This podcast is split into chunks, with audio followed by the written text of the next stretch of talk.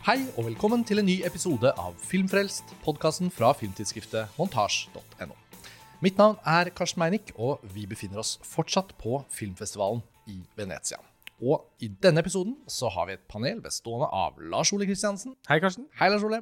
Og Ida Madsen Hestmann. Hei, Karsten. Hei, Ida. Veldig gøy at du er tilbake enda en gang i panelet vårt her. Og i denne episoden skal vi snakke om Darren Aronofskys nye film The Whale. Og hans forrige film som vi så her i Venezia, Lars Ole, det var jo Mother med Jennifer Lawrence i hovedrollen. Han vant Gulløven her for The Wrestler back in the day. Og er jo egentlig liksom en venn av Venezia eh, filmfestival. Det får man si. Black Swan hadde jo også verdenspremiere her og fikk, sin, eh, fikk en flying start. Mm. Så eh, dette var åpenbart da en av filmene vi, vi så litt ekstra frem mot. Eh, I tillegg så skiller jo da prosjektet litt seg fra en del av det Aronofsky har holdt på med. Altså tenker på liksom eh, Noah, for eksempel. Da. Han ble jo stadig mer sånn høybudsjettert og ambisiøs med sånne utbroderte filmideer. Men med The Whale så kunne man lese ut av beskrivelsen at den er basert på et skuespill, og den utspiller seg i all hovedsak i en leilighet. Og den har Brendan Frazier i tittelrollen, eller hovedrollen. Sånn at det var litt sånn, Jeg var litt sånn spent må jeg innrømme, på liksom, ok, hva slags film kommer dette til å være, laget under pandemien osv.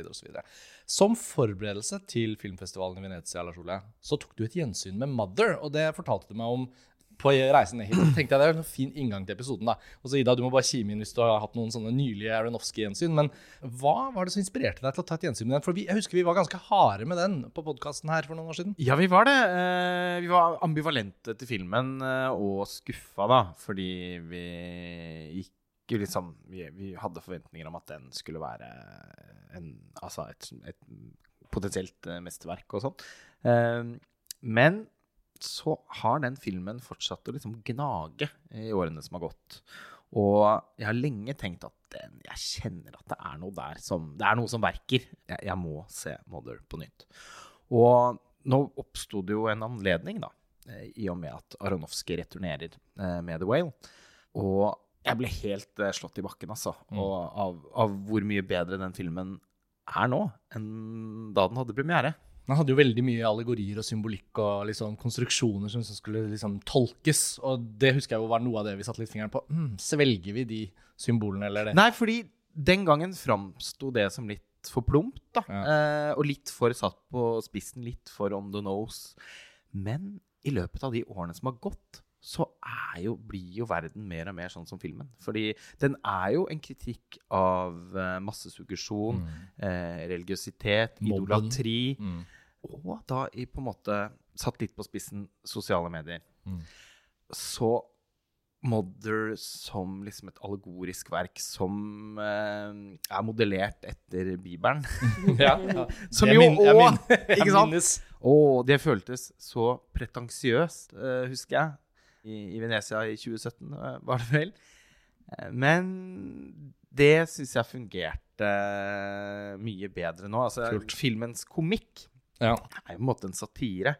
Den uh, slo, sl, slo mye bedre ut uh, for meg og, på dette, under dette gjensynet. Og jeg var vel, altså, Nå kunne jeg også på en måte nyte hvor bra filmen er laget. Altså produksjonsdesignet, foto til Mathieu eh, og de mange sånn Roman Polanski-aktige skrekkscenene. Ja, det var det jeg, jeg tenkte på Rosemary's Baby. Når Ja, jeg den. Du, Ja. altså når jeg slo på Blu-ray-menyen nå, Mm. så er den på en måte en remake av plakaten til Rosemary's Baby. Ja. Så det ble en veldig tydelig referanse. Og, den, og det var, jeg husker at vi Mm. snakket om Polanski og Rosemary's Mm. Baby I podcasten fra Ja. Venezia den gangen også. Ikke sant? Av naboene i Rosemary's Baby, som med Ruth Gordon i spissen, som dung, dung, dung, dung, dung, banker Mm. på, aldri vil gå. Det, det, de er jo egentlig de, det, Og der er det også en sekt, ikke sant? Så, Mm. så det er mange paralleller. Men det er også sjelden å se i dag, da, eh, den type liksom eh, psykologisk skrekk. Det, Mm. ja, eh, plutselig så var det som bare Altså, kjemien mellom meg og den filmen ble altså så god. Jeg, er fortsatt litt sånn Jeg, jeg svever litt ennå, altså, på Du overbeviser meg veldig om at et Ja. Mother-gjensyn er på trappene. Og jeg tenker, Ida, I forhold til Aronofsky da, og hans filmer, så um, jeg føler det gjentatte ganger opp gjennom årene har blitt litt sånn at hver gang han lager noe nytt, så tenker vi litt på alt det han har laget. Og jeg syns jo det er en veldig sånn vital filmografi som har kommet og liksom bitt oss litt sånn i halen og vart lenger enn kanskje det er spådd her og da. Ofte splittet kritikerkorps når han kommer med noe nytt. Helt fra tilbake fra liksom P og Requiem for a Dream, selvfølgelig. Men ikke sånn The Fountain, da. En film som ble regnet som en stor liksom, både økonomisk katastrofe og som kunstnerisk fallitt den gangen. Hadde jo sine fans, og så har så har liksom scoret til Clint Mansell blitt hørt på en trillion ganger på Spotify siden sist. Og så har Det er ikke en trillion som har sett filmen, Nei, nei, nei, nei, av de Nei da. nye 10-15 kommer til altså sånn, Det er noe sånn litt holdbart og spennende og litt sånn Det gnisser. ja, for det, men det har vært Ja. en berg-og-dal-bane Over av Aronofsky. karriere. Altså, jeg Ja. husker hvor stor flopp The Fountain var. Ja. Og den var også eh, en fiasko på en måte før den hadde premiere, fordi produksjonen hadde blitt nedskalert så mange ganger. Eh, de måtte caste på nytt. Oi. Eh, de, den begynte med et gigantisk budsjett. Var det ikke Brad Pitt som også skulle spille hovedrollen den Eh, gangen? Jeg tror det stemmer. Og så trakk han seg to dager før innspillingen, eller noe sånt, så måtte de snu det om. Oi. Så ble den lagt ned, startet opp igjen. Og da ikke med de Altså, da kunne den ikke lages for like mange penger. Nei, nei, nei. Og så måtte Aronofsky finne ut av hvordan han skulle løse spesialeffektene på en billigere måte. Det ble analogt. Og eh, vi skal jo Vi som vet å sette pris på filmen, er jo, tenker jo at en del av dens unike liksom, identitet springer ut av nettopp de analoge effektene. Og sånt. Så, men, men det var jo en, han, han gikk skikkelig på trynet med den filmen etter Reckon for a Dream, da Mm. som, som jo var det, det var jo ikke sånn at det ble Altså, Pi, debuten hans, var jo på en måte ikke et lynnedslag. Nei. Til det er den. Var en lovende liten indie. Ikke sant? Mens Reckon for Dream var jo, var jo det. Men har du en Aronofsky-favoritt, eh, Ida? Ja, vi, vi snakket vel så vidt om det i går òg, men jeg, jeg tror jeg fortsatt uh, holder på altså, The Wrestler. Jeg har blitt veldig mye gladere i Mickey Rourke etter Ja. den. Jeg syns det er noe fascinerende med han. Eh, og jeg synes den eh, er så Og det, det er jo kanskje litt likheter der til The Whale. Ja, fordi jeg syns du lagde en perfekt overgang tilbake til The Whale, da, som vi nå skal snakke om. At The Wrestler føltes jo da som den filmen vi i størst grad kan sammenligne denne nye filmen med. Mm. Hva, hva kan vi si mer om hva The Whale handler om, da? Og hva det er som gjør at de filmene har Ja, ikke sant? Uten å spoile uh, Ja.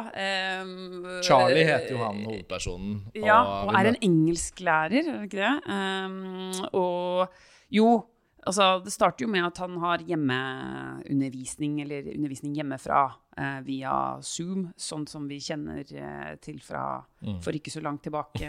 Ja. Ja. Men han holder seg jo hjemme, den rollen til Brendan Frazier, og så finner vi jo ut litt hvorfor han ikke vil vise bilde av seg selv for de andre altså elevene han underviser. Mm. Han sier vel at kameraet er ødelagt. Ja, eh, ja. Eller noe sånt. Ikke sant? Så det er bare helt svart. Eh, Det er jo egentlig ganske motsatt enn det vi har lest om under korona, at flere elever liksom velger å ikke ville eh, vise bilde av seg selv. Mm. Og så var det mange lærere som ble fortvilet over dette, fordi hvem vet hva de driver med da?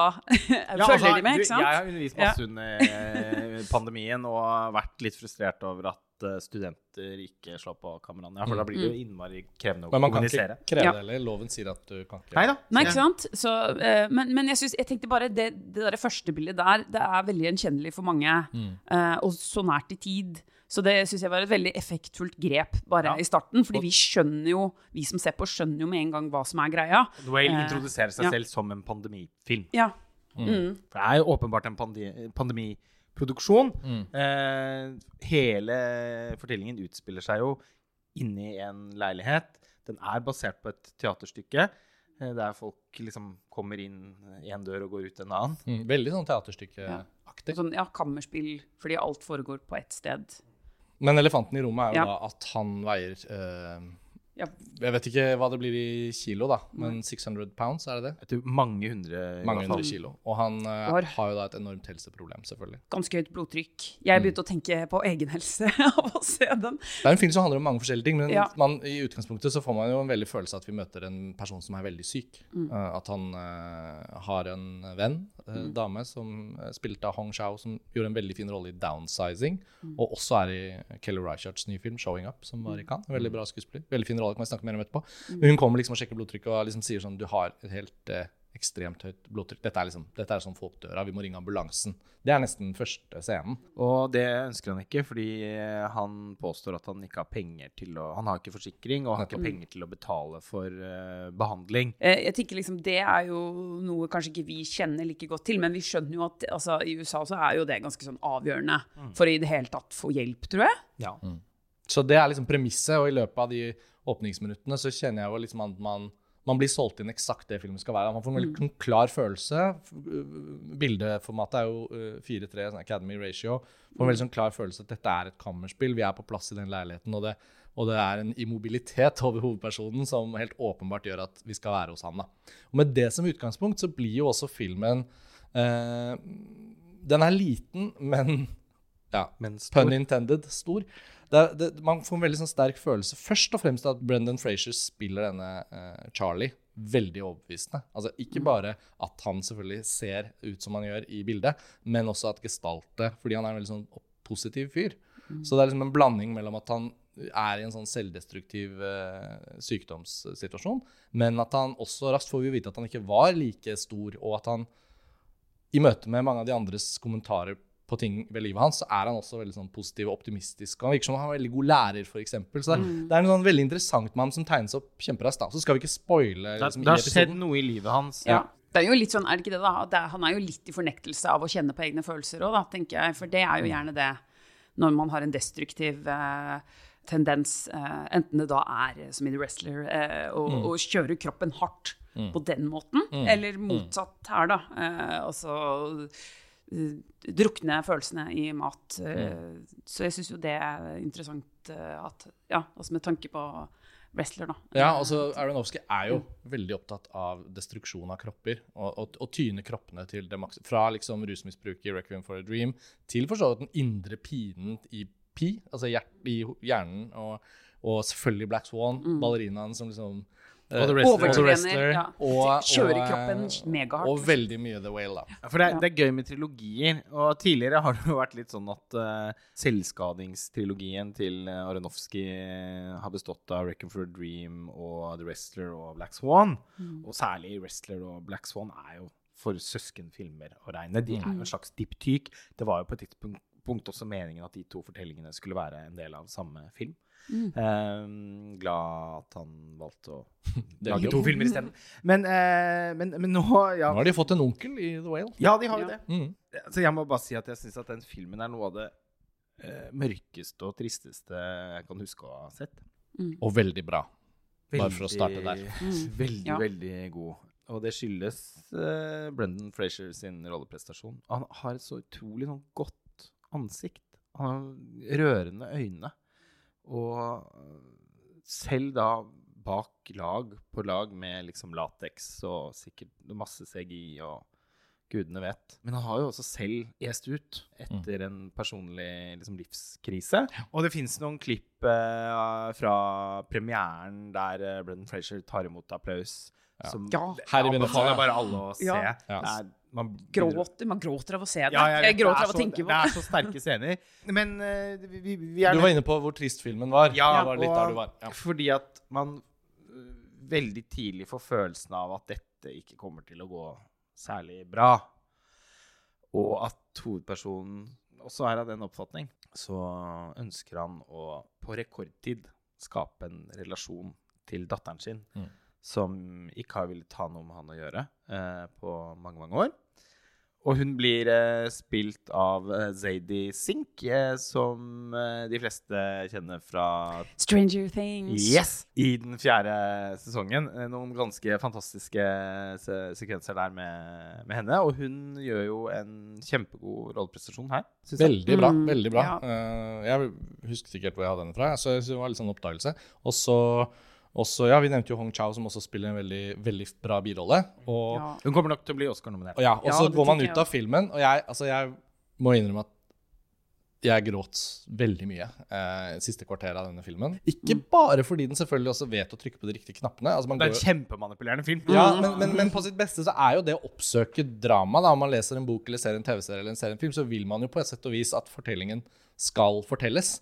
Og i det så handler det om å vekke noen følelser også. Så kan man si noen ønsker ikke at det skal brukes grep eh, over hodet for å nå de følelsene. Men så sier de likevel at de ser Love Actually hver jul, og så tenker jeg ja, Ja. hva slags grep er det man da er så uimottagelig for? Vi vil jo tenker- føle ting av å se på film, så jeg Exakt. syns det blir liksom helt tullete hvis man skal late som at vi ikke vil noe annet, eller sånn at det er noe annet vi vil. Og. Aronofsky treffer den sweetspoten så utrolig bra her. For jeg syns at han lykkes så godt gjennom filmen med ikke å manipulere på en måte mer enn bare å fortelle om se altså, scene på scene som liksom tar oss inn i hans livshistorie, hans skjebne. Og det, er, Og og det er fascinerende å se hvordan en så overvektig person lever sitt liv. Ja. Det er veldig autentisk, det har jeg aldri eh, sett skildret på film før. Nei. Og jeg tenkte, det, nei, jeg tenkte på det også, at jeg, med tanke på hvor mye fatshaming det er, da, så syns jeg eh, det er bare At dette da er en eh, nest, OK, kall det propagandafilm, nesten. Eller hvor, hvor vi skal Det, det er meningen at vi skal eh,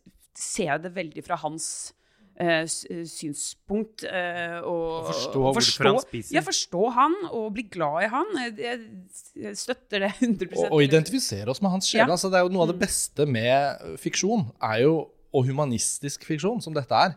Å å få, å få lov å komme inn og stå side om side med et menneske vi kanskje ikke ser så ofte ute av døren, liksom, eller i offentligheten. Og særlig i dette. Ja. tilfellet. Så jeg bare syns filmen lykkes veldig godt med det. Og da har den lov til å trykke på noen knapper Ja. på slutten. Ja, fordi En annen ting jeg kom på, som jeg bare skal nevne, var um, Jo, når dere snakker om at han er så optimistisk Jeg tenker Det er sånn kjempeviktig at man ser uh, det derre At han, han uh, har et motiv for Altså at han vil Han har ikke gitt opp livet, faktisk. Tvert imot. Jeg tror det er kjempeviktig å se, for jeg tror dessverre eh, altså Når jeg snakker om fatshaming, jeg tror mange dømmer har en tendens til å dømme eh, overvektige mennesker og tenke at det, du har bare gitt opp.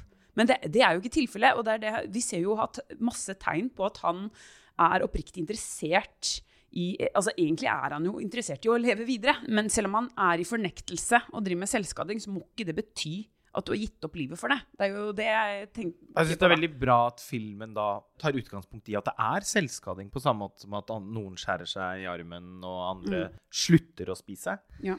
Og jeg ser jo på Twitter sånn at filmen allerede er litt kontroversiell. Blant annet er det noen som mener at en at, at uh, hovedkarakteren burde vært spilt av en person som er så stor på ordentlig. Det er jo et veldig underlig krav. Men nå er vi litt i den tida hvor, hvor det er en veldig sånn Ja, sentral men det får debatt. være og der- ja. grenser, da. Eh, Ja. Altså, det ble, ble sagt Det var noen som skrev på Twitter at liksom eh, Brendan Frazier eh, var liksom fat face.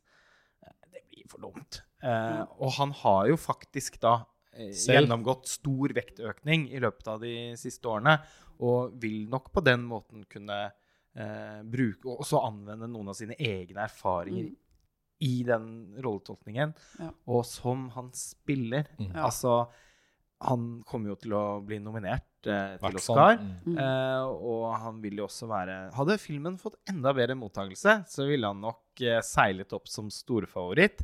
Nå, et, etter at anmeldelsene tikket inn, og de til vår overraskelse egentlig da, var ganske eh, blande, så, eh, så tenker jeg at Austin Butler fortsatt eh, må regnes som frontrunner. Og jeg støtter, støtter Ja. litt det òg, altså. Jeg Jeg, jeg, syns Ja. at det er en vel så imponerende rolleprestasjon totalt sett, men stort mer beveget enn det jeg ble av, uh, av uh, å se Brendan Frazier som The Whale. Det er det vanskelig å ja. Jeg har ikke grått så mye på en film siden Call Me By Your Name. Nei. Tror jeg. Nei. Uh, og jeg er for så vidt egentlig ganske lettrørt, men uh, og, og, og det trenger ikke alltid være en kvalitet i seg selv. Det kan jo være filmer som ikke jeg syns egentlig er så store kunstverk, Altså, som likevel kan være veldig rørende. Filmen klemmer det ut av deg, men Ja. jeg, jeg, jeg, jeg satt også og, og, og bare sånn gråt de Jeg- siste 20 minuttene. Det, Ja. Og jeg syns det var så mørkt. Ja. Det var så, og, og Aronofsky kan jo med det. Og, det er, og han vet også å lage en slags mytefortelling Mm. ut av, av dette. Eh, vi snakket jo da om at han har laget en, eh, en, en serie med filmer om selvskading. Han har jo da også laget en bibelsk trilogi bestående av The Fountain og Noah og, og Mother. Og, og selv om han f.eks. da i Mother er veldig religionskritisk, så tenker jeg liksom alltid med Aronofsky at ah, han er religiøs òg. altså, Og så er det han- masse og det er også- og Han- han det er- er The Whale, The Whale er prega av det, da. Det er noe litt sånn sakralt og, og myteaktig over filmen. Det ligger i tittelen òg.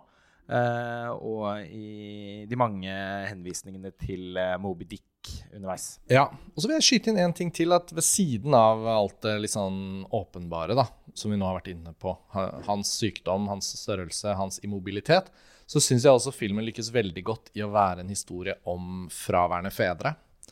Og det er også en tematikk som man har sett ofte skildret på film i ulike eh, former og størrelser og sånn. Og, og jeg syns det er veldig fint løst her, gjennom hvordan hun datteren har en sånn helt sånn spesifikk, utømmelig eh, aggresjon.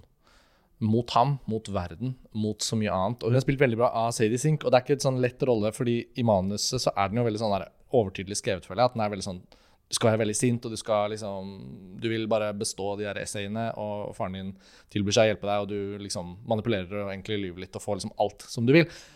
Men jeg syns det var noe veldig, veldig interessant over hvordan hun brukte sånn fysisk energi for å gestalte det rundt omkring i den leiligheten. eh, hvordan det var klippet mellom henne og han. De er veldig ulike som um, liksom gemytter, de to rollefigurene. Og at det ofte Det er noe jeg også kan liksom si fra egen livshistorie. Å liksom observere hvordan da et sånt langt fravær på en måte skal prøve å matches opp på veldig kort tid. Og de snarveiene egentlig både den som er sint og den som prøver å bli tilgitt, tar. Så det var veldig fint gjort. Og det var også noe av grunnen til at jeg syntes den ble så trist. Det var liksom kombinasjonen av det. At det var uh, på mange måter for sent, men at det var noe så innmari ektefølt over forsøket.